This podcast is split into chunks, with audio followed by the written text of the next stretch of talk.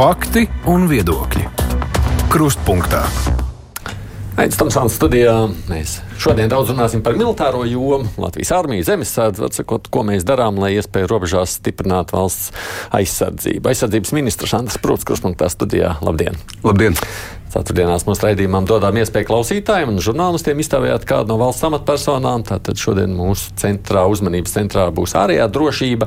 Latvijas raidījā tiešais klausītājiem ir tā iespēja stūtīt stundas laikā jautājumus caur Latvijas raidījā viens mājaslapu. Tur tātad ir tāda iespēja nosūtīt jums ziņu. Studijā ir vēl divi citi kolēģi. Ģerds Virbuls no Latvijas televīzijas. Sveiki! Sveiki!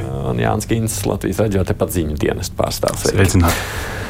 Nu, un ievadot vienkārši sarunu, tad budžeta apspriešanas gaitā starp citu tiek uzsvērts, ka šis būs drošības budžets. Um, nu, proti, jūsu ministrija ir viena no tām, tātad, kam tiek piešķirts vairāk naudas, tās galvenās ieceres ievadām izstāstiet, ko jūs ar šiem līdzekļiem grasāties darīt.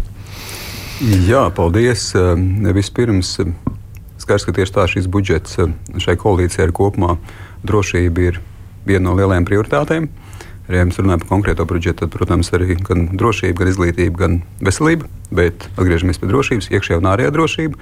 Ja mēs savukārt runājam par ārējo drošību, tad uh, lielā mērā šis pieaugums tiek noteikts no uh, valsts aizsardzības finansēšanas likuma. Uh, kurā ir ļoti konkrēti noteikts 2,4% 24. gadā, 2,5% 25. gadā, 2,75% 26. gadā un 3% 27. gadā. Tā kā mēs ejam uz 3% 27. gadā. Finansējums tiešām ir nozīmīgs. Tāpēc vienmēr es atkārtoju, tas ir 1 miljards 128 miljoni 382 620 eiro. Tad katrs eiro mums ir svarīgs, un par katru eiro tieši tā ir jābūt ar atbildībai un atbildēji par to, ko mēs ar to arī iesāksim. Uh, un, respektīvi, protams, tās lielās lietas, kas ir viens, ir spējas. Un šeit, es domāju, mēs jau esam ilgstoši runājuši par to, kādas spējas mums ir jātīst, gan pretgaisa aizsardzība, gan krasta aizsardzība, gan raķešu artērijas sistēmas. Mums, protams, kad ir svarīgi sabiedrība un līdz ar to visaptvaroša valsts aizsardzības teiksim, turpināšana. Tie ir gan valsts aizsardzības dienesta tālāk ieviešana, gan valsts aizsardzības mācība, principā jau šobrīd obligāti ieviešana nākamo gadu, bet kopumā arī te jau sadarbībā ar, arī ar iekšlietu ministriju, tā skaitā arī valsts aizsardzības tā, civilās aizsardzības arī sakārtošanas jautājumi. Un trešais lielais bloks, viss, kas saistās arī ar mūsu saistībām un ar mūsu drošību attiecībās ar mūsu sabiedrotajiem, respektīvi mēs esam, protams, ka nu, tajā stadijā, lai mēs attīstītu šeit pie sevis aktīvu ar infrastruktūru, lai nodrošinātu arī sabiedroto paplašinātu klātbūtni. Mēs runājam atkal par brigādes lielu, lielumu klātbūtni. Tātad vispirms kanādiešu vadītā brigāde, un uz to mēs ejam, bet priekš tam jāveic arī mājas darbi tieši infrastruktūras sakārtošanā. Tā kā šie ir lielie trīs bloki, bet noteikti, tur vēl var pielikt klāt gan aizsardzības industrijas tālāk attīstīšanu, teiksim, šīs ekosistēmas veidošanu, gan iepirkuma sistēmas sakārtošanu. Tā kā skaidrs, ka šeit vēl jautājumu ir pietiekoši daudz. Piedodiet, kolēģi, vienkārši kamēr klausītāja jautājums viens ir par budžeta tēmu atnācis jau pirms raidījuma, tāpēc es arī to skatos. Viņš interesējas, Eisānkungs jautā, vai tur nav piejaukuma arī jūsu budžetā, kas nav saistīta ar valsts militāro aizsardzību. Nu, piemēram, vai netiek no tās naudas pirkts kaut kāds prezidenta limuzīns, šķiet, kas atlēr laikā tā notika. Gribētos, lai tai militārajai kapacitātei paredzētā nauda tiešām tiek arī ieguldīta karavīriem vai inventārā vai militārā infrastruktūrā, nevis tikai reizēm, kā saka, optimizēts budžets, jo, lūk, NATO jāatskaitās, ka izdevumi palielina palielināti. Man svarīgi, lai tā nauda tiešām būtu tuvu. Ļoti svarīgs jautājums, un vienlaikus jau daļai pat atbildi bija jautājumā, respektīvi NATO Protams, ka mēs no vienas puses atskaitāmies, bet tas jau nav par atskaitīšanos NATO, tas ir par mūsu drošību. Un, savukārt, ja mēs atskaitāmies NATO, tad ir ļoti konkrēti kriteriji, ko var un ko nevar iegādāties. Mhm. Respektīvi, tā kā faktiski pēc šiem konkrētiem kritērijiem ar, ar tiek vērtēts, un ja mēs sakām, ka tie ir 2,4%, tad tas ir jāatbilst ar NATO kritērijiem, kas šajos 2,4% ir, un iepriekš minētās lietas tajos procentos nav. Līdz ar to Respektīvi, tā kā šeit ir noteikti skaidri noteikts, kam ir arī domāti šie līdzekļi. Plus, vēl man jāsaka, ka vēl bez šiem 2,4%, tā kā kopumā pat vēl ir jāpiemina, ka šis budžets pat de facto ir lielāks, jo mums ir papildus budžeta līnija, kas nodrošina uh, 1 miljardu eiro 5 gadu garumā, respektīvi katru gadu papildus no šī gada nāk vēl pa 200 miljoniem. Uh, pretgaisa aizsardzības sistēmas iegādē, jo tās ir milzīgas izmaksas veidojot šo slāņa veidu pretgaisa aizsardzību un vidējā darbības rādījus vai vidējās darbības pretgaisa aizsardzības sistēmu, ko mēs šobrīd esam finalizēšanas procesā ar Deal Defense, ar IRST šo sistēmu. Nu, respektīvi, tās tiešām ir milzīgas izmaksas, tā kā papildus šiem 2,4% vēl ir uh, militārās teiksim, tā, izmaksas, ko mēs esam arī plānojuši nākamajā gadā. Jūs tā precīzi gandrīz līdz pēdējiem eiro nosaucāt summu, un arī uzsvērāt, ka atbildīgi ir jāizturās pret tās izlietojumu. Uh, ir vēl diezgan svaigā atmiņā šī gada pavasara skandāls mm. ar, ar, ar pārtikas iepirkumu. Uh, toreiz jūs priekšstacināja Mūrniec uzsver, ka jāveido tāds iekšējās drošības birojs vai kas tam līdzīgs, kas turpmāk uzraudzīs, lai šādi skandāli neatkārtotos. Vai šāds birojs ir izveidots, vai ir kāds cits, cik liela ir drošība, ka tiešām šī summa tiks uh, precīzi izlietot, lai pēc tam pēc kāda no šiem lielajiem iepirkumiem vai, vai lieliem infrastruktūras objektiem jaunajos poligonos atkal nesanāk kāds nesmukums un kauns pašiem un kauns sabiedroto priekšā? Uh, atkal ļoti nozīmīgi, un tieši tā arī kļūstot par ministru. Viens, protams, mēs runājam par spējām sabiedrotajiem, bet beig beigās ļoti daudz kas ir jāizdara teiksim, šo iepirkuma sistēmas sakārtošanas jomā lai tiešām būtu gan atbildīgi, gan caurskatāmi, iespēja robežās. Es, mēs runājam par militāru finansējumu, tad šeit ir arī savi ierobežojumi. Mēs arī pēc, teiksim, tā, pēc aizsardzības iepirkuma likumdošanas arī šeit vadāmies, ne tikai pēc publisko iepirkuma teiksim, likumdošanas. Respektīvi, tā kā skaidrs, ka tas ir tiešām nozīmīgi. Arī tas ir viens no pirmajiem uzdevumiem, ko arī es faktiski uzdevu, respektīvi par to, ka mums ir jāsaprot, kādā veidā mēs šo sistēmu sakārtojam. Uh, un te ir divas uh, vairākas noteikti daļas, bet es pat teiktu, divas tās varbūt lielās, bet noteikti var runāt vēl par papildus elementiem. Viens ir, protams, kad ir jābūt šīm arī četrām acīm vai pat sešām acīm. Tajā brīdī, kad mēs specifikāciju veidojam iepirkumiem, gan tajā brīdī, arī, kad mēs principā esam iepirkumu noslēguši, bet vēl neesam parakstījuši līgumu. Jo arī šeit, ja mēs skatāmies zīta ar iepirkumu, tad respektīvi faktiski bija pilnīgi skaidrs, ka tas nav atbilstoši visām iepirkuma procedūrām, bet līgums tāpat tika parakstīts. Līdz ar to arī iepriekš, iepriekšējais ministrs domāju, ka bija pozitīvs solis, bija izveidota darba grupa. Šobrīd savukārt es esmu izdevis pavēli par to, ka mums ir jāizveido konkrēta uzraudzības struktūra vienība. Tā nav liela, bet ir konkrēta struktūra vienība. No 1. janvāra arī šī struktūra vienība sāks darboties. Mēs principā runājam par iepirkumu, kontrolas un plānošanas nodaļu, kas būtu tā, kas skatītos gan specifikācijas līmenī, gan arī pēc teiksim, tā, iepirkuma jau noslēgšanas, pirms līguma parakstīšanas, vai viss ir bijis atbilstoši konkrēti iepirkuma arī specifikācijai. Tā ir pirmā, teiksim, pirmais darbs, lai būtu tiešām šī uzraudzība, monitorēšana. Otrais ir nenoliedzami, ka arī ar iepirkuma speciālistu apmācībām ir jānotiek. To mēs arī esam secinājuši, ka tas ir arī permanents, pastāvīgs process, kas ir jādara un jāpilnveido. Un skaidrs, ka arī visas sistēmas digitalizācija, uzskaita sistēma arī teiksim, tā ir jāpilnveido, lai tas tiešām arī labi darbotos.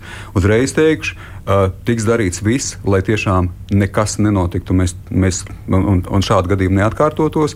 Bet skaidrs, ka nu, mēs neesam neviens pilnībā pasargāti arī no, teiksim, no, no negadījumiem, ja tā drīkst teikt. Bet skaidrs, ka šobrīd jāizveido sistēma, kas šādu negadījumu iespējamību izslēdz cik nu vien iespējams. Bet drīkst šajā ziņā es mazliet pieķēros tam vārdam caurspīdīgums. Jūs redzat, ka ir kaut kas informācijas pieejamības ziņā, ko nu, noteiktās lietās, kaut vai šādos ēdienu iepirkumos vai kaut kur citur, ka varētu būt publiskāks nekā līdz šim.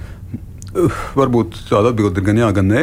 Respektīvi, ir, protams, ka daudz kas man šeit bija šeit arī publisks, un liela daļa informācijas ir bij, bijusi pieejama, un to ir atzinusi arī valsts kontrole. Mums ir bijis tiešām ļoti laba sadarbība ar valsts kontroli. Arī tā ir bijusi viena no manām prioritātēm tikties uzreiz ar valsts kontroli un saprast gan tos, teiksim tā, trūkums, kas ir bijis iepriekš, gan kā tos trūkumus mēs kopīgi sadarbībā arī varam novērst.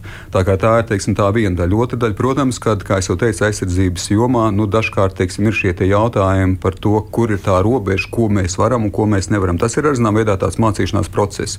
Un te ir arī, protams, arī mūsu, ja tā teikt, mūsu drošības eh, dienas, respektīvi militārās izlūkošanas teiksim, tā, tā dienas, eh, drošības dienas, eh, kas ir arī ļoti svarīgs, kas teiksim, arī iesaistās vai var iesaistīties arī monitorēšanas un uzraudzīšanas procesā. Tā kā jā, respektīvi šeit, protams, ir zināmā veidā arī teiksim, šīs tēmas vai jomas delikātums, bet tajā pašā laikā atkal iespēja robežās šai informācijai ir jābūt pieejamai. Vēlreiz, teiksim, priekš manis šajā ziņā valsts kontrolas uzstādījumi arī ir ļoti svarīgi, lai mēs atrastu kopolodu, lai valsts kontrola tiešām arī varētu vērtīt, skatīties, tā skaitā arī dot padomus par to, kā mēs sistēmu kopīgi ir pilnveidojam. Mēs esam tieši tā arī konsultējušies ar valsts kontroli. Par šo pašu skandalozo gadījumu Jā. visi apstākļi ir izzināti, kā, kā tas varēja notikt, kā tas izgāja cauri. Teiksim, tā jūs esat lietas kursā par visu to, kā es, tas ir bijis. Es esmu lielā mērā lietas kursā, kāpēc es saku lielā mērā. Protams, es esmu iespēja robežās iepazinies, bet šobrīd joprojām ir krimināla procesa knābi ietvaros. Un krimināla procesa knābi ietvaros tā kā saka, ir knāba kompetence, un līdz ar to, kā saka, šis process jau ir jāfinalizē knābi ietvaros. Tā kā, respektīvi, jā.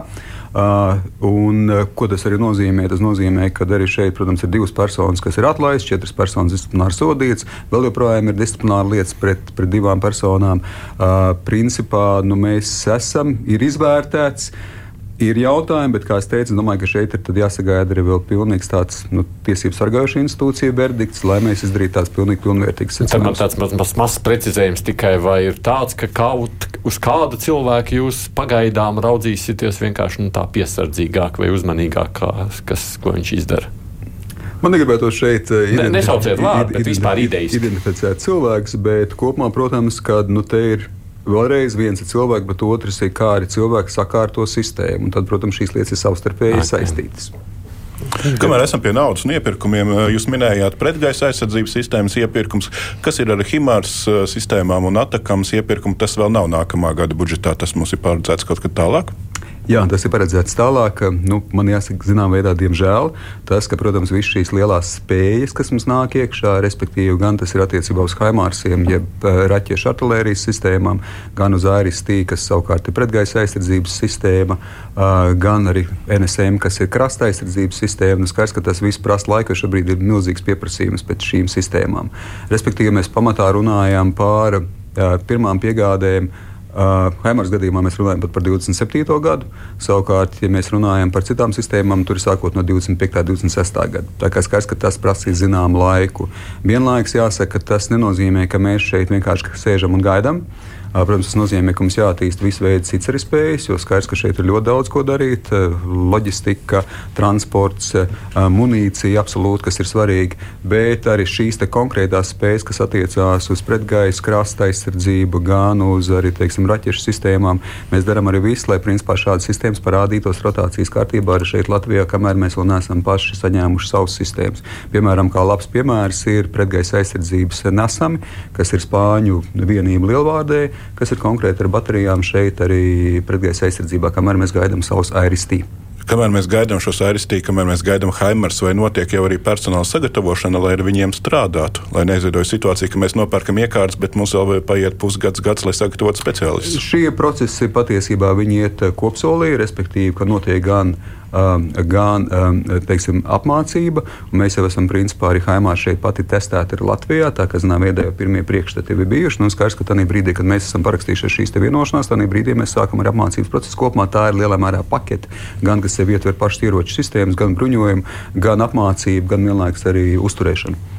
No vairāk jautājumu arī par ieročiem. Tad no klausītājiem ievars Rihards līdzīgi saka, tā, nu, kāpēc Latvija nav spējīga pat ražot savus unikālos ieročus, kurus varētu arī pārdot. Vai Ivars saka, mums taču ir daudz gudri izglītot cilvēku, vajag pašiem ražot. Paldies par jautājumu atkal. Pilnībā. Patrīs jau mēs ražojam, ne? Jā. Šo to jau mēs ražojam. Tieši, tieši tā. Bet atkal ļoti, nu, ļoti svarīgs jautājums. Es domāju, ka tas ir viens no tiem jautājumiem, kas ir bijis. Es atkal teiktu, ka zinām pēcsacība. Arī iepriekšējie ministri ir šo aizsardzības industrijas tēmu aktualizējuši. Arī es kļūstot par ministru. Skaidrs, ka šeit es uzskatu, ka ir jābūt turpinājumam. Tieši tāpēc šobrīd arī ir aizsardzības industrijas likums. Pirmā lasījuma jau pieņemts uz otro lasījumu, tas 7. decembris. Arī šobrīd iet. Mēs esam arī sadarbībā ar, ar partneriem, lai to arī pilnveidotu konkrēti šo likuma projektu. Vienlaikus vienlaikus mēs esam kapitāla sabiedrības izveidas procesā, lai 13. decembrī iesniegtu arī savu pieteikumu uz um, munīcijas, uh, modulārās munīcijas uh, uh, komplektēšanu šeit. Principā, ražošana, komplektēšana, bet tas ir arī sadarbībā ar mūsu partneriem. Tā kā tas nav tikai, ka mēs šeit pilnībā visu ražojam, bet kopumā te ir zināmā veidā tāda sadarbības ķēde, sadarbības, sadarbības platforma. Bet pie tā mēs varam noteikti arī nonākt pie konkrētākiem jautājumiem. Respektīvi, tā kā skaidrs, ka uz to ir jāvirzās, tā kā šī, šī likumdošana ar kapitāla sabiedrību noteikti ir daļa no tā, lai mēs tiešām ar pavirzītos, ar kapitāla sabiedrību pavirzītos tajās jomās, kur varbūt vietējiem uzņēmējiem ir zināmā veidā izaicinājumi, lai teiksim, apjomīgi ar kapitāla lielām investīcijām arī spētu realizēt šos projektus. Bet kopumā jā, bet atkal pilnīgi piekritīšu Tomsonam kungam jums kādu par to, ka Nu, ir jau šobrīd diezgan daudz labas lietas izdarītas, un te ir gan, protams, Patrija, gan mēs runājam par 5G testā, teiksim, tā jau angāri, kas ir ādažos, un kur tiešām arī pats pavisam nesen, pirms dažām nedēļām piedalījos, kurā, teiksim, kurā šīs inovācijas attīstības, viss, kas attiecas uz jaunām tehnoloģijām, arī tur ir mans rīkojums. Faktiski mums jādomā par jauno tehnoloģiju koncepcijas attīstību, kā mēs ieviešam jaunās tehnoloģijas, kas ir gan par bezpilota dažādiem aparātiem, faktiski par droniem, gan par uh, kiber teiksim, jautājumiem, gan par elektromagnētisko karadarbības spējām, gan par mākslīgo intelektu. Skaidrs, ka tas ir viss jau Tā ir nākotne, bet tā skaitā tā jau ir šodien. Un te mums ir ļoti labs iestrādes un labs potenciāls, bet nu, tā sistēma kopumā ir jākārto. Bet vienlaikus jāatcerās, ka daudz lietas mums būs jādara starptautiski kopā ar mūsu starptautiskiem sadarbības partneriem. Jā, budžeta kontekstā Jā. nevar nepavaicāt, kad par budžetu runāja valdības sēdē kopā ar sadarbības partneriem Nacionālā trīspusējā sadarbības padomē. Tad piefiksēju sarunu arī par šo arī jau gadiem seno tematu, par kā izlīdzināt atalgojumu iekšlietu dienestos un aizsardzības jomā. Protams, ka tas ir iekšlietu ministrijas mājas darbs un spējas šos uh, budžetā līdzekļus tam panākt. Uh, bet varbūt skats no aizsardzības jomas, tad droši vien arī kādas kopīgas darba grupas vai līdzīgi.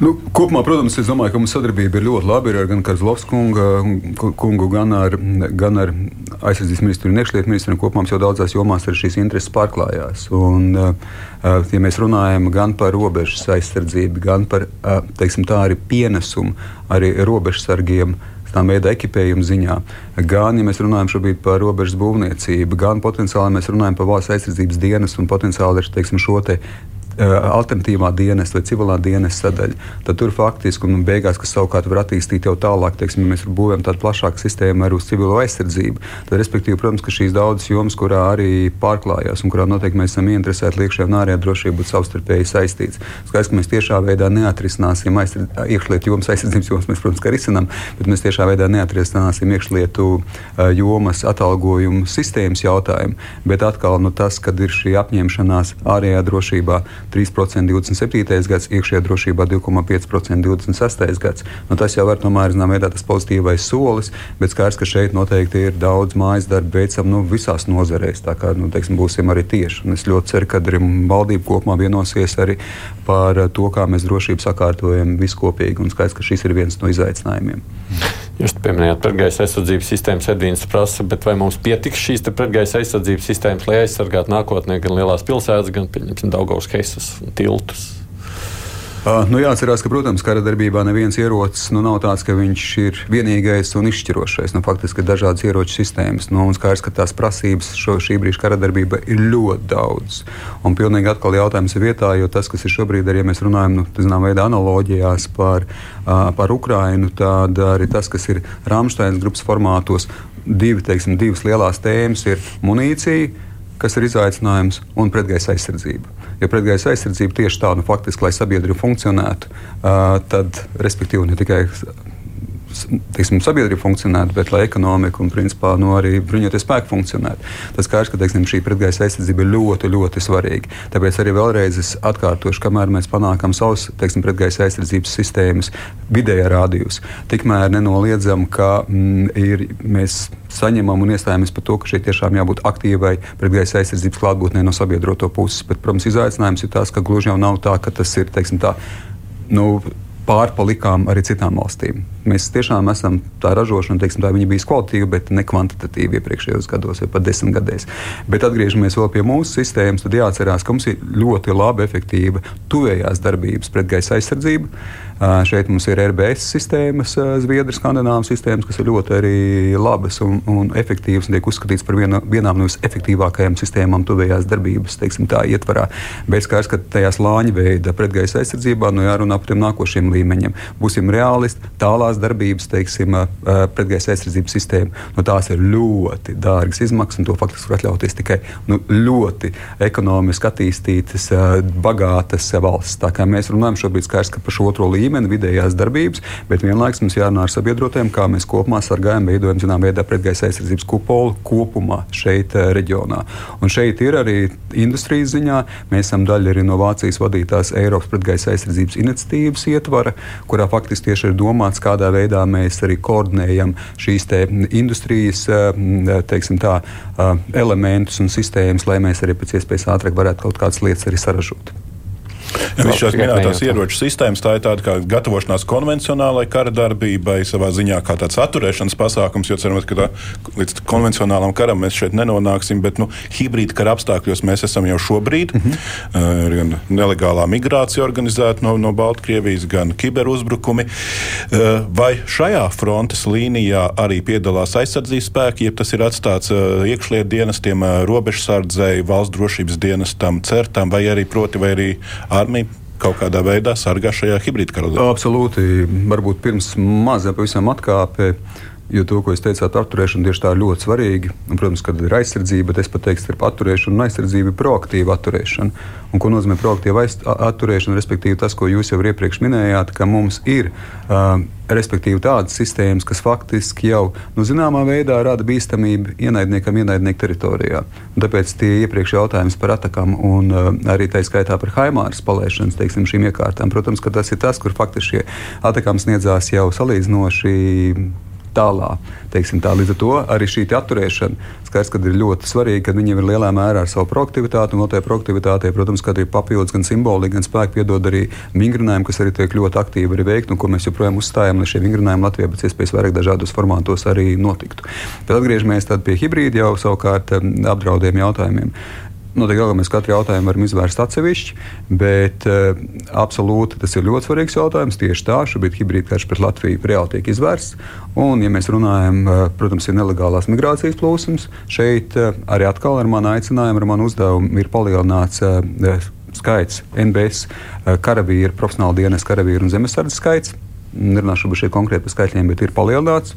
Uh, tas ir pie robežas, robežas patrulēšanā, ko mēs darām kopā ar robežsargiem. Uh, mēs esam gatavi iesaistīties arī robežas izbūvē. Šajā gadījumā mēs runājam par Latvijas-Krievijas robežas izbūvi ar saviem inženiertehniskajām vienībām un kapacitāti. Uh, mēs runājam par kibertelpas aizsardzību, absolūti certs ir viens no teiksim, tā svarīgākajiem, un certs ir zem, saka, mūsu jumta. Mēs, protams, arī esam nu, teiksim, arī lielā mērā arī šos procesus vadām. Uh, respektīvi, arī tiek veidota uh, kiberdrošības stratēģija šobrīd, uh, bet vienlaikus, kas varbūt ir vēl svarīgāk, tiek veidots arī kiberdrošības centrs, kas apvieno gan certu, gan arī struktūru vienību aizsardzības ministrijā, tā kā vēl tiek pastiprināta arī kiberdrošība. Un trešā lielā lieta, kas, protams, arī kas pavisam nepār, arī mācības noteikums, tikko kā bija kiberšaha mācības vai principā nu, teiksim, vairāk konferences un domu apmaiņu un lielā mērā šo prakšu savstarpējā miedarbība, bet notiek arī mācības. Principā kiber, kiber, kiber, kiber laukā un ar sadarbībā. Vakar es biju Igaunijā un es biju arī kiberdrošības eh, centrā. Šajā teiksim, NATO kompetences izcelības centrā, kas ir kiber, par kiberaizsardzību. Tieši tā, ka arī tur, protams, kad ir arī mūsu cilvēks ir pārstāvēts, arī Latvija ir pārstāvēta šajā kiberdrošības centrā. Tā, tur ir labo prakšu apmaiņa. Un noslēdzošais jautājums, runājot par hib, hib, hibrīdu uzbrukumiem, arī tikko kā kritiskā infrastruktūra, nu, respektīvi arī tur. Savukārt pagājušajā nedēļā bija Liepāja un Jūras bāzē, un mēs savukārt esam arī principā vienojušies par to, ka arī šeit kritiskā infrastruktūras teiksim, tā, nu, arī tiks pastiprināta. Tā kā neiešu detaļās, bet būtībā arī teiksim, nu, mūsu klātbūtne arī kritiskās infrastruktūras, zemūdens kritiskās infrastruktūras uzraudzība arī tiek pastiprināta. Mm. Tā kā atbildot uz hibrīdu, hibrīdu karām apdraudējumiem. Reiz par robežu jūs ieminējāties, te varbūt ir vērts, es nolasīšu arī mazliet garāk, nu, cik nu es varu ātri saīsinot Toporkau kunga rakstīto. Viņš saka, tā, tad viņš dzīvo Latvijā, faktiski 5 km no Latvijas-Krievijas robežas. Nu, tas pirmais jautājums tāds ļoti vienkāršs. Viņš saka, neesmu manījis, ka tur mums būtu ierūkots kāds pretošanās vai aizsardzības būvis. Viņam līdz ar to ir tās bažas, no kuras unces tad sola sargāt NATO, ja nu tiešām kas notiek. Es esmu atbildējis. Otrs viņam jautājums par 72 stundu somu saturu. Viņa gadījumā šīs 72 stundas, viņa prāt, ir nu, neap, nepieņemams, jeb nepie, neapmierinošs laiks, jo viņa prāt, tur pie robežas 72 stundām nepietiktu. Un trešais, vai nav plānots izstrādāt kādas drošās istabas, kaut ko līdzīgu, kā viņš redz, īpaši lauku īpašumu saimniekiem tajā pusē. Jā, trīs, trīs jautājumi. Pirmkārt, par pirmo jautājumu mēs mazliet atgriežamies atpakaļ no hibrīda kara apdraudējumiem uz jau konvencionālo apdraudējumu. Respektīvi, tieši tā par zināmu veidā jau šo nemilitāro pretmobilitāti, militāras pretmobilitātes izbūvi. Uzreiz ir jāsaka, ka principā mēs esam e, virzībā uz to. Un tas jau ir izskanēja arī mm, iepriekšējās ministras laikā. Tā kā jau principā jau teiksim, zinām, iestrādes jau arī ir. Un šobrīd arī mēs runājam par šo militāras pretmobilitātes plānu, kurā ir gan īstermiņa, vidējā termiņa, gan ilgtermiņa teiksim, tā, tādi uzstādījumi plašāki.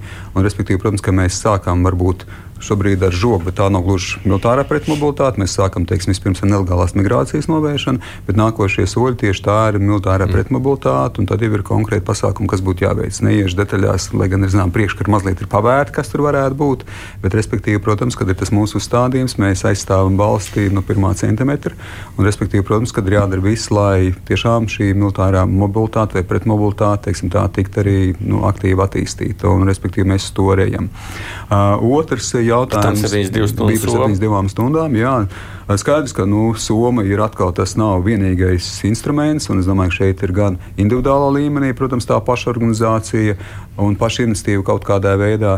Tad nenoliedzami ir pašvaldību līmenis, un tāpēc šobrīd faktiski arī es esmu aicinājis, uzdevis to, ka mēs runājam par 72 stundām, ko pašvaldībām būtu jādara, bet vēlreiz tas jau vairāk ir iekšlietu ministrijas teiksim, tā, un tiešā uzraudzībā, bet vienlaikus skaidrs, ka tas ir kopumā domājot par dažādām krīzes situācijām, dažādiem krīzes scenārijiem.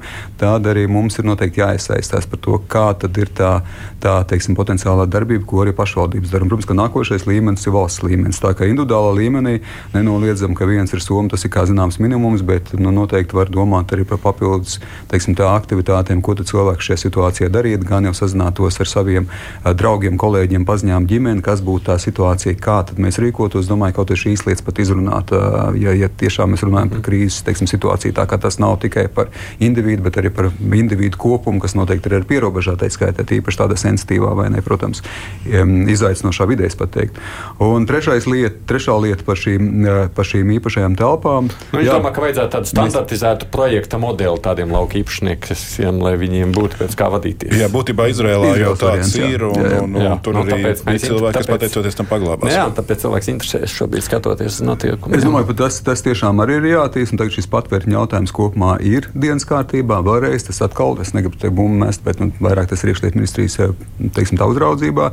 Bet nenoliedzami, ka šeit sadarbībai ir jābūt par to, lai mēs saprastu, kādā veidā mēs būvējam kopumā infrastruktūru teiksim, šādiem te gadījumiem. Eh, un skaidrs, ka tā drošība ir ļoti svarīga, un respektīvi individuālā drošība, ko mēs arī māju ietvaros varam eh, paši darīt. Bet tas viens ir individuāls risinājums ļoti labi, bet skaidrs, ka mums jādomā arī par plašākiem risinājumiem, kā nu, mēs kopumā tīpaši. Es pieļauju, ka tas ir aktuāli tādiem cilvēkiem, jā. kas dzīvo tuvu pie robežas, un varbūt, ja viņiem ir iespēja savos laukos domāt, viņiem vajag, nu, viņiem vajag uz, nu, viņš pats nevar izdomāt, no, ko viņam vajag droši vien izturēt.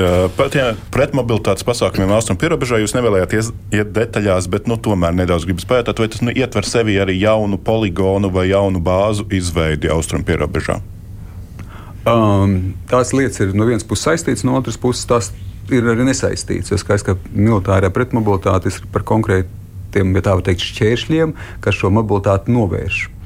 Respektīvi, tas ir konkrēti par eh, teiksim, veidā šķēršļu kopumu. Protams, lai ienaidnieks nevarētu pārvietoties, precīzi, jā, bet vai precīzi uh, dislocēt pastāvīgi tur vēl mūsu spēkus? Kopumā, kopumā principā, skaisti, ja mēs skatāmies uz infrastruktūras attīstību, tad infrastruktūras attīstība, kas ir mums uh, Latvijā kopumā, ir tā skaitā par poligoniem un bāzēm, tad viņi ir, viņi ir ļoti plaši. Es tā teiktu, skaidrs, ka mums galvenais, teiksim tā, uh, militārais infrastruktūras objekts, kas tiešām arī ir atgriežamies pie visiem iepirkumiem, pie veiksmīgi, kas tiešām ir svarīgs. Es teiktu, zināms, mūsu lakmus papīrs, cik mēs efektīvi spējam arī īstenot tās mūsu saistības un īstenot, teiksim, arī šādi lieli projekti. Tas ir Sēlijas poligons, protams, kas būtu lielākais Baltijā, kas tiešām ir ļoti nozīmīgs. Un skaidrs, ka viņš jau, ja tā var teikt, pavirzās austrumu virzienā, ja viņa dislokācija par kaut ko ar zināmā veidā liecina. Un savukārt mēs runājam noteikti arī par uh, citiem. Nu, mums ir poligonu bāzes arī kopumā austrumu, ne gluži pašā pierobežā robežā, bet kopumā teiksim, tā austrumu pusē, vidzemē un latgalē. Tā kā šī infrastruktūra arī tiek un tiks attīstīta arī tālāk. Atkārtināšu tikai klausītājiem un jo, skatītājiem. Jā, jo varbūt to papildinot, noteikti atkal varam izvērsties, bet jāatcerās, ka valsts aizsardzības koncepcijā mēs eh, runājam par 31,000 eh, miera laikā karavīriem un 61,000 kara laikā. Respektīvi, tad mums jābūt infrastruktūrai, kas principā arī vienlaikus spēj šo 61,000 uzturēt, nosegt, vai ne, kam ir teiksim, tā gan. Uh, infrastruktūra, kurā cilvēki var saņemt savus ieročus nepieciešamības gadījumā, savu ekipējumu. Tagad tā ir milzīgas infrastruktūras, teiksim, tā ir attīstīšana. Ja šobrīd mēs runājam, ja mēs skatāmies saskaitot kopā nu, par aptuveni virs 20 tūkstošiem. Jā, tā kā mēs ejam no 20 tūkstošiem, 31, kas ir e, miera laikos, un 61 tūkstoši, kas ir gatavs būtībā sagatavot e, arī kara apstākļiem. Valsts Tas absolūti prasa arī, protams, ka infrastruktūras veidā. Pateikšu savu sakāmu un turpināsiet aizsardzības ministrs Andrs Prūts. Tātad šeit ir Zvirbuls no Latvijas televīzijas Jānis Kins, tepat no Latvijas raidījuma ziņu dienesta. Raidījums Krustpunktā. Jāģiet. Jā, mēs palikām pie tiem uh, militāru personu sagatavošanu. Valsts kontrole arī nesen uh, aizrādīja par Jā. to, ka ir problēmas ar šo rezerves sistēmu. Uh, cik tālu esam ar šo valsts kontrolas uh, rekomendāciju ieviešanu dzīvē? Atkal ļoti, ļoti, ļoti svarīgs, svarīgs jautājums. Vēlreiz tieši tā, es uzskatu, ka valsts kontrole darīs ļoti labu darbu un ka mums valsts kontrole ir, ir gan, gan, gan kopīgi, kopīgi jāizvērtē, gan jādomā, kā mēs arī kopīgi varam. Tur tieši tā ir konkrēti ieteikumi. Uzreiz jāsaka, ka valsts kontrole ziņojumi ir par trīs ziņojumiem. Ja viens ir gan par NBS profesionāla dienas karavīriem, par to, kāpēc arī profesionāla dienas karavīri teiksim, salīdzinoši iet daudz prom, tad nākošais ziņojums mums ir par zemesardzi teiksim, par zemesardzinām veida izaicinājumiem. Nu, šis ziņojums savukārt ir par rezerves karavīriem. Un, respektīvi, skaidrs, ka tās lietas, kas tur arī ir nepieciešamas, viens ir svarīgi sakārtot visu teiksim, šo te uzraudzības un reģistrēšanas sistēmu. Un, jāsaka, tur ir zināmā veidā vēl joprojām darāmā, darāmais, darāmais darbs. Šobrīd tur nodarbojas rekrutēšanas un mobilizēšanas pārbaudē pie Nacionālā bruņoto spēku apvienotā štāba. Bet šeit var arī domāt par to potenciāli, kā mēs teiksim, šīs lietas arī tālāk sakārtojam, ir vairāk šie skaitļi parādās lielāk. Tā kā mēs šeit esam arī procesā, sarunā, dialogā arī ar NBS vadību uh, par to, kāda būtu teiksim, šī te sakārtošana. Skaidrs, ka te ir daudz lietas, kas ir atkal jādigitalizē. Šeit noteikti ir svarīgs jautājums, kas ir viens no lielajiem izaicinājumiem, ka ir apmācība jautājums ka cilvēku uz apmācībām, teiksim, šī te sakārtotā sistēma vai sistēma, kas būtu jāsakārto, kādā veidā mēs nonākam līdz viņiem, lai būtu arī sistēma sakārtot. Uh, respektīvi, noteikti arī ir jāveido patiesībā, ja mēs runājam par rezerves karavīriem, tad mēs arī veidojam vienības jau faktiski valsts aizsardzības dienas līmenī. Ar vakar Igauniem bija iespēja iepazīties, kā viņiem rezerves teiksim, karavīri darbojās, kur faktiski bija mācības, kas sanāk kopā uz mācībām, kurā vienība jau ir noformējusies. Un viņi sanāk līdz to ļoti nozīmīgu lomu spēlē šī brīža arī teiksim, tā, vienību vadība, kas joprojām uztur kontaktu patiesībā rezerves karavīriem. Tā kā tas darāmais gan reģistrēšanas, uzskaitas ziņā, gan digitalizēšanas ziņā, gan apmācību, efektivizācijas ziņā, gan arī lielā mērā jau teiksim, tajā brīdī, kad mēs sākam runāt par valsts aizsardzības dienestu, teiksim, tā tālāk jau pilnveidošanu un īstenošanu. Skaidrs, ka šeit ir daudz. Man jāsaka arī, protams, ka rezerves karavīri, nu, ja mēs runājam par rezerves karavīriem, tad varbūt dažkārt šī oficiālā vai teiksim, tāda publiskā lielā informācija, ka mēs runājam par 36 tūkstošiem pat, bet jāatcerās, ka daudz no tiem, teiksim, kā 25 tūkstoši, tie faktiski ir tie, kas dienē līdz 2007. gadam. Un, teiksim, tur pat tā uzskaita, nu, viņa ir konceptuāli, bet viņi varbūt nemaz nav tik precīzi. Jā, tā kā mēs vairāk runājam runājam par eh, šobrīd nu, 3000, kas tiešām ir šī aktīvā rezerve, augsts gatavības rezerve, un kopumā teiksim, nu, par aptuveni 10 tūkstošiem mēs runājam, kas ir savukārt jau kopumā šī te, teiksim, rezerve, kas varētu tikt iesaistīta. Bet, respektīvi, tā kā varēs šīs lietas un šie ieteikumi, nu, tikko arī ziņojums ir parādījies, tā kā absolūti šie ieteikumi ir vietā. Mēs par to absolūti ne tikai domājam, bet jau ir ieskicēti arī uzdevumi. Un vēlreiz, protams, ka šie uzdevumi arī ies kopsolī ar valsts aizsardzības dienestu ieviešanu, jo, respektīvi, respektīvi šīs rezerves lielās, kas mums ir, veidosies ar valsts aizsardzības dienestu ieviešanu. Par valsts aizsardzības dienestu tad, tad pirmais iesaukums bija nokomplektēts ar brīvprātīgajiem. Tagad Jā. uz nākamo gadu 120 janvārī un 480 jūlijā paredzēts iesaukt, ja es pareizi piefiksēšu skaitļus. Jā, jā. Un, Kāda tur šobrīd ir tā situācija? Vai tur arī brīvprātīgi stājas, vai arī būs jāiedarbina jau drīz tā sistēma, ka izlozes veidā jaunieši saņem šīs, šos uzaicinājumus? Uh pirmajā iesaukumā, kas faktiski nu, nosacīta iesaukums, jo tiešām tas bija brīvprātīgo iesaukums, nu, mēs tiešām runājam par 254 karavīriem. Tā kā, respektīvi, protams, ka šis iesaukums ir bijis brīvprātīgs un kopumā veiksmīgs. Uh, šobrīd mums ir šis 600 cilvēku teiksim, iesaukums, kas nākamā gadā, un jāatcerās, ka mēs ejam 300, 628. gadā 4000. Tā kā atkal šeit ir laika posms, kurā mēs pakāpeniski palielinām, jo tas tieši tā ir saistīts ar iepriekšējo jautājumu, kā mēs būvējam infrastruktūru, gan apmācību vadam, gan lielā mērā arī karavīru karavīru rezerves, kas tiešām savstarpēji saistīts. Bet atgriežoties pie šiem skaitļiem, tad respektīvi nākamajā gadā, 27. gadā, ir 600. Tā kā mums 1. janvārī jau ir jāsāk pirmajiem, teiksim, tā, pirmajam, pirmajai pusē, nu, tai varbūt tā nav gluži puse, bet pirmajai sadaļai mēs runājam par 120, bet kopumā mums ir 150 karavīri. Respektīvi, tā kā mēs runājam par 450, kas ir tajā nākamajai, teiksim, tā jau uh, iesaukumā, iesaistīšanā, un savukārt tur ir 1. decembris, ir, kad var pieteikties. Nu, mums ir aptuveni 150 pieteikumi. Tas nozīmē, ka visticamāk, ka mums būs šeit jau jāizveido šī atlase pēc nejaušības principa, ka šis mehānisms būs jāiedarbina. Tā kā faktiski tur tiks jau savukārt. Uh, konkrēti iedarbināti visi reģistri, 8,9 tūkstoši, aptuveni 8,5 tūkstoši, un respektīvi pēc tam jau atlases kārtībā, pēc nejaušības principa, arī sadalīts lielā mērā proporcionāli pa reģioniem, notiks arī šī atlase, kurā mēs arī šos papildus cilvēkus uzņemsim. Tas ir tas princips, un ceram uz gan sabiedrības sapratni, sabiedrība kopumā ir atbalstījusi valsts aizsardzības dienas ieviešanu, gan, protams, arī tajā brīdī, kad nu, būs arī jau tāda reāla iesaukšana, tajā ziņā, ka tie vairs nebūs tikai brīvprātīgi. Nu jā, iepriekšējā ministra par to jau ir runājusi. Pavaicāšu arī jums, nu, vai kā ministrijā tiek domāts par tām situācijām, ka varbūt kāds akūti nevēlas iesaistīties šajā dienestā vai izvairās no tā, un kāda ir tā labākā rīcība. Nu, vispirms, protams, ka rīcība ir svarīga jau tādā vairāk plašākā līmenī, ka, protams, ir jāskaidro un ar sabiedrību ir jārunā, bet vēlreiz domāju, ka šajā ģeopolitiskajā situācijā nu, mūsu drošība, mūsu aizsardzība, tas ir viss mūsu atbildība, viss mūsu kopdarbs. Protams, ka tas, kas svarīgi ir uzrunāt jaunieti, ja tā drīkst teikt, individuālāk, un, protams, ka daudz šīs iemaņas, kas tiek iedotas, noteikti ir ļoti svarīgi, lai tiešām tiktu iedotas, ka tas ir par prasmēm un iemaņām, kas ir jaunietim noderēs, tā skaitā arī par stipendiju augstskolās. Eh, respektīvi, tā, es domāju, ka šeit ir virkne arī pozitīvo lietu, tā kā tāda individuālā motivēšanas ziņā. Un atgriežamies jau pie arī jautājuma iepriekš par uh, apmācību teiksim, dažādās tehnoloģijās un um, par to, ka tiešām mūsu spēkos ienāk šīs te dažādas uh, nozīmīgās tehnoloģijas, kas mums šķiet ļoti vērtīgas. Un es domāju, ka tur arī jaunietis atradīs to savu pielietojamību. Arī tikko esot jūras spēku bāzē Liepājā, arī ūdenslīdēji centrā. Faktiski arī tur ir doma, ka jaunieši varētu iesaistīties ūdenslīdēji eh, teiksim, centrā. Tā kā tās iespējas viņas ar vien vairāk un plašākas ir. Līdz ar to par to arī tiek domāts, lai tas būtu pēc iespējas kvalitatīvāk un lai tiešām šeit būtu arī tās izvēles iespējas. Un es domāju, kopumā jau bruņoties spēki ar to savu daudzšķautnēnību un piedāvājumu jau ir ar, ar, ar vien interesantāk, iesaistošāk un dod iemaņas, kas ir izmantojams.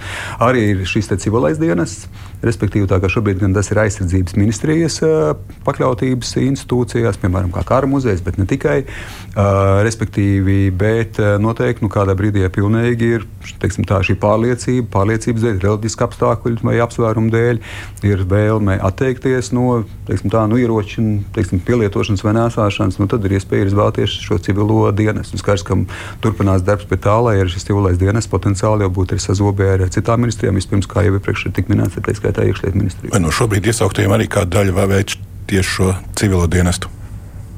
Ne, šobrīd nevar nemaz civilo dienestu veikt, jo tie ir brīvprātīgie, kas ir iestājušies mm -hmm. VNBS. Kā, kas ir līdz ar to skaidrs, ka civilais dienests visticamāk varētu sākt darboties tajā brīdī, ka kāds, kas tiks tā, pēc atlases principa nonācis eh, konkrētajā sarakstā, ka viņš eh, pēc reliģiska pārliecības idejas apsvērumu dēļ nevēlas iesaistīties bruņoties spēkos. Tad brīdī cilvēks dienas varēs sākt jau pilnvērtīgi darboties. Jā. Un no infrastruktūras viedokļa jūs esat gatavi nākamgad uzņemt uh, 600? Jā, valsts aizsardzības dienas absolūti paēdināt, apģērbt instruktori, kas viņus apmācīs. Jā, šobrīd, šobrīd absolūti, respektīvi mēs skatāmies arī, man bija iespēja arī apmeklēt ādaži militārajā bāzē, arī parunāties ar jauniešiem, kas ir kazarmās, um, respektīvi ādaži militārajā bāzē, tā kā šobrīd tas ir sauszemes brigādē, viņi tiek integrēti iekšā brigādes teiksim, sastāvā, bet skaidrs vēlreiz šie soļi absolūti ir vietā, tas iet kopsolī, jo sauszemes brigādē ir līdz zināmai robežai, bet skaits būs lielāks, tad jāformē konkrēts ir atsevišķas vienības, un tad jau, protams, ka būs jārunā par citām bāzēm. Tā skaitā vēlāk arī runa 1200, mēs runājam 27. gadā, piemēram, par to pašu Sēlijas poligonu, tā kā Sēlijas poligonā būs gan sabiedrotie, gan vats. Tā kā skaidrs, ka šeit šie poligoni un infrastruktūra attīstās, protams, arī sazobē un nepieciešamībā ar valsts, valsts aizsardzības dienas. Nu, lai par šo tagad daži klausītāji jautājumi, jo cilvēkiem, protams, ļoti interesējas. Edgars vienkārši jautā, bet ja es ļoti gribu pieteikties, bet nevaru izpildīt believes. Patiesībā par šo mēs par šo tikko mēs runājam aizsardzības, iekšlietu un korupcijas novēršanas komisijā, kurā arī mēs prezentējām uh, budžetu. Un tur mēs ar iepriekšējo ministrs kundzi bijām viensprāts par to, ka jādomā, ir, jādomā ir par to, ka tieši tā, ka varbūt gluži nav jānolaiž teiksim, tā, šie te veselības, veselības kritēriji. Noteikti viņi ir ļoti svarīgi. Bet tajā pašā laikā tieši tā ir jāmeklē tie veidi, ja mēs runājam par jaunām tehnoloģijām, par visām, visiem droniem, par kiberdrošību. Un, protams, ka šobrīd arī piemēram nu, ir zemesardzes kibervienība, kas faktiski teiksim, tā, nu, jau var iesaistīties arī tieši ar, ar, ar šīm konkrētajām teiksim, tā, īpašībām, teiksim, zināšanām un prasmēm. Bet, respektīvi, tieši tā, es domāju, ka šeit ir par to arī jādomā, bet vienlaikus skaidrs, ka bruņoties spēkos zināms veselības standarts, nu, tas arī klātesošs būs. Bet vai to var būt variācijas, nu, tas ir, es teiktu, tā šobrīd atvērts jautājums, bet kopumā, kā es teicu, ja mēs skatāmies uz to, kurā virzienā arī dodas kara darbība, kurā būs dronu teiksim, sistēmas, nu, es domāju, ka lielisks, teiksim, prasmīgs drons dronu vadītājs, nu, noteikti uz viņu varētu attiekties arī teiksim, tā, kādas teiksim, tā cits. Bet šobrīd, kā es teicu, tas atvērts jautājums. Es negribētu apgalvot, ka tā tas šobrīd uzreiz notiks un ka tas tiks automātiski jau virzīts tuvākajā laikā. Inta savukārt reizējās, kā jūs pārbaudīsiet, vai krievlodīgais jauniesalcamais ir lojāls valstī vai nebaidē, ka kara gadījumā ierodas pagriezīs pretējā virzienā? Nu, priekš tam arī, protams, kad ir tajā brīdī, kad mēs ievācam uh, vai nonāks ar informāciju konkrēti uh, rekrutēšanas mobilizā, mobiliz, mobilizēšanas centrā, tad, respektīvi, protams, ka tad arī šeit būs informācijas pārbauda. Un šeit ir iesaistīta arī mūsu drošības institūcijas. Tā kā, respektīvi, protams, ka šeit zinām pārbauda būs. No otras puses, man gan varbūt nedaudz ir nu, teiksim, skatoties tomēr zinām optimismu elementu, tad ļoti bieži kopumā bruņotie spēki, kurai uzticēšanās sabiedrībā ir ļoti, ļoti augsta, visaugstākā. Faktiski mēs runājam par vairāk nekā 70% uzticību bruņotiem spēkiem. Ko es ar to gribu teikt? Nu, teiksim, 70% uzticēšanos nevar sasniegt tikai ar, teiksim, tā, tur ir noteikti plašāks sabiedrības klāsts, kas absolūti uzticās bruņotiem spēkiem. Bruņotie spēki pat lielā mērā var spēlēt šo lomu, kad faktiski caur to arī veidojās patriotisms, lojalitāte integrēšana teiksim, tā, uz bruņotā spēka, tā var teikt. Nu, kopējās šīs patriotisma arī bāzes. Tā kā es saredzu šeit arī pozitīvās lietas, bet, protams, ka vienlaikus ir jābūt uzmanīgiem. Konkrēti, protams, kad ir arī zemā veidā filtram jābūt, lai mēs būtu pilnīgi pārliecināti par, lai atbildi būtu skaidra, mm. mēs aizsargātu kopīgi savu valsti. Nu, vēl viens Roberts jautājums. Viņš, saka, es esmu vecīts, man ir 50 gadi. Es arī vairs nevaru tā skriet, bet ļoti labi spēlēt datorspēles. Ir laba reakcija, gribu mācīties dronu vadību Latvijā. 50 gadi ir atvainojiet, 50 gadi ļoti cienījams jauns vecums. Jā, nu, jo, Nē, kludz. Viņš ir bijis jaunāks par mani. Respektīvi, respektīvi arī, Jā. arī es teiktu tā par mani. Un teiksim, arī viens no uzstādījumiem, kas man ir bijis, ja mēs runājam tā skaitā arī par vecumu, par ko es arī jau signalizēju, kad es labprāt virzītos šajā virzienā, eh, ir zemesardzes vecums palielināts no 55, 60 gadiem, pa 5 gadiem. Nav palielināts rezervistu vecums. Principā rezervists var iesaistīties līdz 50 gadiem. Un man šķiet, ja reiz mēs esam palielinājuši zemesardzes, tad principā arī iespējams rezervistu vecumu, kas ir vēlēs iziet šīs apmācības, nu varētu vismaz līdz 55 gadiem. Respektīvi, tā kā es domāju, šeit mēs varam domāt, jo nu, 50 gadi tas tiešām nav, nav vecums, kurā mēs vēl nevaram izdarīt daudz lietas, īpaši valsts aizsardzības jomā. Mhm. Kolēģi. Vēl par, par nedaudz jaunākiem jauniešiem un par valsts aizsardzības mācību, kas tātad no nākamā mācību Jā. gada būs obligāta.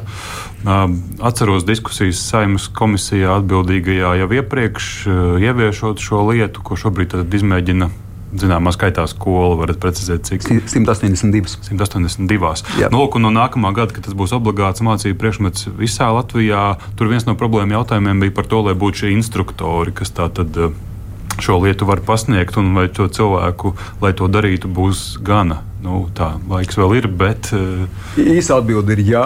Un eh, Jaunzēnas centrs man ir apstiprinājis to Mirbakums, kas vada ļoti domāju, efektīvu un ar mērķtiecību. Jaunzēnas centra gan ir, teiksim, ir nu, bijis ļoti aktīvs arī valsts aizsardzības mācības, visas cieņas par nostāju, teiksim, tā šajā visā idejas eh, popularizēšanā un arī, un arī sakārtošanā. Tā kā, nu, man ir apstiprināts, ka instruktori viss ir kārtībā, bet vienlaikus, protams, varbūt pat instruktoru jautājums ir viens, bet es pat teiktu, ir vēl viens jautājums, kas varbūt šobrīd ir arī ir zināms izaicinājuma elementi, ir joprojām infrastruktūras jautājums.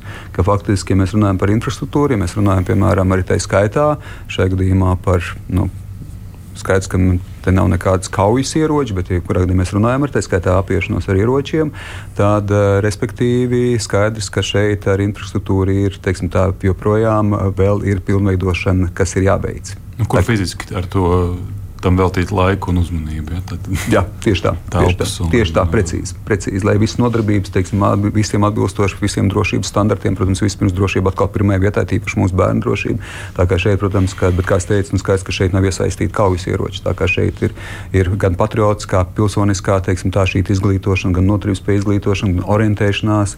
Tā kā te ir ļoti daudz un dažādas lietas, tā kā praktiskās nodarbības, un tās jau nav, teiksim, arī par tādām nedrošības lietām vai, vai nedrošības elementiem, bet jebkurā gadījumā šeit visai infrastruktūrai jābūt drošai, pilnvērtīgai, kvalitatīvai. Teiksim, tas joprojām teiksim, tā, nu, ir, ir, ir tik nonveidosies.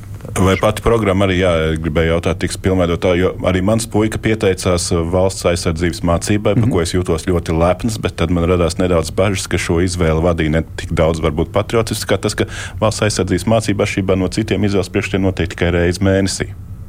Jā, bet šobrīd uzreiz, lai būtu skaidrs, ja līdz šim tā tiešām tas ir bijis izvēles priekšmets, respektīvi, šīs 182 skolas faktiski tas ir kā izvēles priekšmets. Savukārt no 24. gada tas vairs nav izvēles priekšmets, tas ir obligātais priekšmets. Tas šobrīd ir, tiek integrēts izglītības standartā. Līdz ar to tā ir konkrēta stunda. Jā, tā ir vienreiz mēnesī, bet obligāti. Un principā vispārējā tas bija viens no mūsu kompromisa variantiem, vai kompromisa elementiem, vai kompromisiem, kas mums bija jāslēdz arī tā skaitā ar Izglītības un zinātnes ministriju. Par to, ka, protams, mēs noteikti nedrīkstam atņemt nekādā veidā tos priekšmetus, kas arī ir ļoti svarīgi. Vispirms mēs runājam par STEM priekšmetiem, mēs runājam par sociālām zinībām, arī kurā teiksim, ar šī pilsoniskā teiksim, audzināšana, patriotiskā teiksim, arī izglītošana var notikt.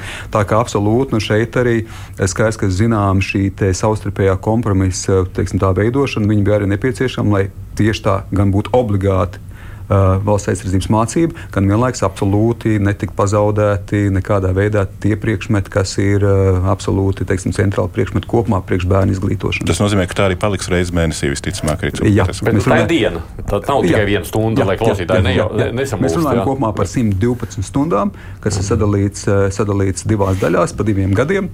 Respektīvi, tad teiksim, šīs 112, 112 stundas tad, uh, tiek īstenots faktiski vienreiz mēnesī Nu, konkrēti vienu dienu. Jā, tieši tā. Pilnīgi vienkārši temats mazliet atsevišķi vadījums jautā ministram pajautājiet, lūdzu, vai pazudušais drons ir atgūts. Tāda lieta. Mēs ar dronu tiešām, diemžēl, šis sakars tika pazaudēts tehniskiem iemesliem tehnisks ķibelis notiek. Joprojām turpinās dienas izmeklēšana, kuras pamatā ir tas, lai jebkādā gadījumā šādi notikumi neatkārtotos. Bet, respektīvi, protams, ka mēs. Drons ir pazaudēts. Eh, drons, eh, drons, uh, nevaru vairāk komentēt par tālāko tā, tā, tā teiksim, trajektorijiem, bet publiskajā telpā kaut kur tas ir parādījies, jau ja tā drīkst teikt. Ne Latvijā. Savukārt Krievijas lidaparāts kāds nesen iemaldījās Latvijas gaisa telpā un gan arī devās prom veiksmīgi, bet uh, Nu, vai tā bija nejaušība vai apzināta provokācija, to droši vien mēs tikai spekulētu. Bet jūsu vērtējumā, vai mūsu dienesti visi reaģēja atbilstoši un, zināmā mērā, tāda pārbauda sanāca mūsu operatīvitātei? Par, par ko? Par Krievijas lidaparātu, kurš ielidoja nesen Latvijas teritorijā. Vakar, jā, jā. Nu, Krievija, ir, Krievija ir agresora valsts, un tāpēc atkal, nu, gan, gan es domāju, mums ir jābūt ar visu mūsu tehnisko teiksim, tā, nodrošinājumu tuvu robežai. Tāpēc jau arī teiksim, atgriežoties mazliet pie šī drona jautājuma, skaidrs, kad mēs būsim klātesoši pie robežai, mums ir jānovēro situācija un jāsargā savu robežu. Respektīvi, protams, mēs redzam arī Krieviju, kas kā agresoru valsts to, ko realizēja Ukrainā, agresija pret uh, Ukrainu, protams, kā arī Baltkrievija, kas faktiski ir satelīta valsts un ko es atkārtošos. Uh, uzsver to, ka faktiski Lukašenko pašpasludinātais vadītājs ir anektēts jau šobrīd, respektīvi, un lielā mērā tas ir Krievijas, Krievijas satelīts. Bet šajā gadījumā, kad mūsu gaisa telpa tika pārkāpta, vai visi dienesti reaģēja atbilstoši? Īsa atbilde ir jā.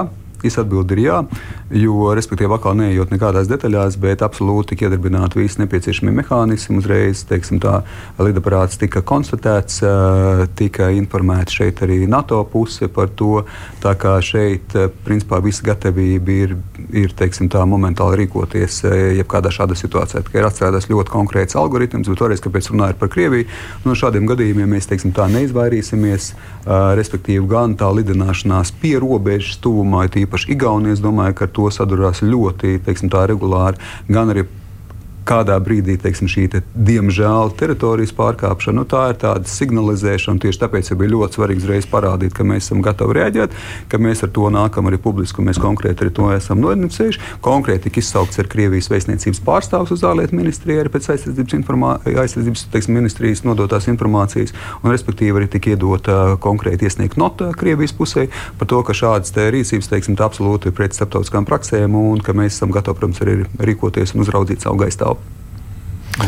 Jā, Vēl bija arī, nu, labi, tas nav par gaisa telpu, bet uh, tad, kad bija šis uzbrukums šim Igaunijas gāzes vadam, tad uh, nu, arī dažādas versijas, kas tur ir īstenībā noticis, un izmeklēšana. Un tad bija arī valsts prezidenta pieļāvums, ka, nu, ja kaut kāda šāda gadījuma atkārtojas, nu, ka kuģošanai Baltijas jūrā varētu slēgt. Jūs piekrītat valsts prezidentam par šādu pozīciju? Es jums vairāk kārtīgi atbildēju uz šo jautājumu. Es, protams, gatavs atbildēt vēlreiz. Tur, ko es prezidenta kungām piekrītu, tas ir tas, ka, protams, šādas rīcības eh, vai šādi incidenti, es skaidrs, ka mēs varbūt, joprojām, varbūt nedaudz, nedaudz atļaušos precizēt, ka uzbrukums mēs joprojām nelietojam vārdu uzbrukums, respektīvi, tur joprojām pat patiesībā notiek izmeklēšana un precizēšana. Bet, ja kurā gadījumā ir incidents, kur tiek uzskatīts, ka šeit ir bijuši ārējā, teiksim, tā, ārējā apstākļu iejaukšanās, ārējā apstākļu teiksim, ietekmē, ir noticis šis incidents. Jebkurā gadījumā šādi ārēju apstākļu ietekmē radīti incidenti, tas, kur prezidentam es piekrītu, ka pirmkārt absolūti šeit ir jārēģē, jārēģē lielā mērā no spēku pozīcijām, un, protams, kad teiksim, tā, pavisam negatīvākajās scenārijā mēs varam runāt arī par konkrēto rīcību, kas faktiski nozīmē arī to, ko mēs saucam par NATO iekšējo ezeru, bet nu, būsim piesardzīgi. Skaidrs, ka iekšējais ezers ar zināmā veidā šeit ir gan Kaļiņģerāda, gan, gan uh, Sanktpēterburga, tā kā ar izēju uz jūru. Uh, teiksim, šis piemērs tikai to apliecina, ka zināmā veidā te tomēr tā spriedze viņam saglabājās. Respektīvi, skaidrs, ka ir jārēģē un reakcija arī notika reakcija notika gan NATO spēku uzreiz, teiksim, tā palielinātā klātbūtne. Vairāk patruļu. Jā, vairāk patruļu uzraudzību. Šeit mēs runājam gan par droniem, gan par izlūku lidmašīnām, gan par mīnu kuģiem. Gan, protams, uzreiz ir jāsaka, ka šobrīd pa, pa, paralēli arī faktiski no arī reģionā ir arī citi formāti, kuri tiek iedarbināti, respektīvi tā kā skaidrs, ka kritiskās infrastruktūras aizsardzība. Tā ir absolūti signalizēta, ka tā ir svarīga un ka mēs aizstāvēsim to, ka šeit, protams, ir jāparādā savu klātbūtni, bet vien, vien, vien, vienmēr ir jāatcerās par to, ka, protams, ka katru centimetru zem ūdens nu, ir ļoti grūti. Tā nav teiksim, savu zemi ap konkrētā valsts teritorijā. Mēs runājam par zemūdens teiksim, infrastruktūru, kas atrodas principā starptautiskajos ūdeņos, starptautiski kuģojamos, brīvpieejamos ūdeņos. Mēs, protams, runājam par savu teritoriāliem ūdeņiem. Pie Latvijas, jā, bet mēs vienlaikus runājam par kabeli, kas iet tālāk, un respektīvi tas jau savukārt ir ūdeņos, kurā var iet cauri dažādi kuģi. Respektīvi, protams, ka līdz ar to katru centimetru mēs šeit uh, fiziski nu, tā, nosargāt būtu izaicinājums, bet vienlaikus pa, pastiprināt klātbūtni, signalizēšanu par to, ka mēs absolūti šādas incidentus neatstāsim bez ievērības, ir ļoti, ļoti svarīgi. Tas tika izdarīts gan NATO līmenī, gan arī uzreiz vēlreiz atkārtošos arī Latvijas līmenī. Un Latvija ir gatava arī pieslēgties un turpināt arī teiksim, šo savu klātbūtni un tā skaitā arī teiksim, tā sadarbība ar sabiedrotajiem. Jauns jautājums, vai nepārs, nepaspēsim pārunāt. Es saku paldies aizsardzības ministram Andrim Sprūdam, kurš bija šodien kruspunktā viesis. Paldies, ka atnācāt šeit. Paldies jums ar lielāko prieku. Esmu gatavs turpināt atbildēt jautājumiem, protams, arī. Paldies. Saku paldies kolēģiem, Ģitam Zvirbulim, kas atbrauc no Latvijas televīzijas, Jānim Kincim, no, Kincam no Latvijas radio ziņu dienesta. Rīt, kā jau parasti piekdienās, nedēļas aktualitātes vērtēs žurnālisti, nu, ņemot vērā, ka mēs daudz par saimā lēmumu esam pēdējā laikā runājuši, rīt droši vien vairāk sanāks pievērst uzmanību arī ziņām no vietvarām.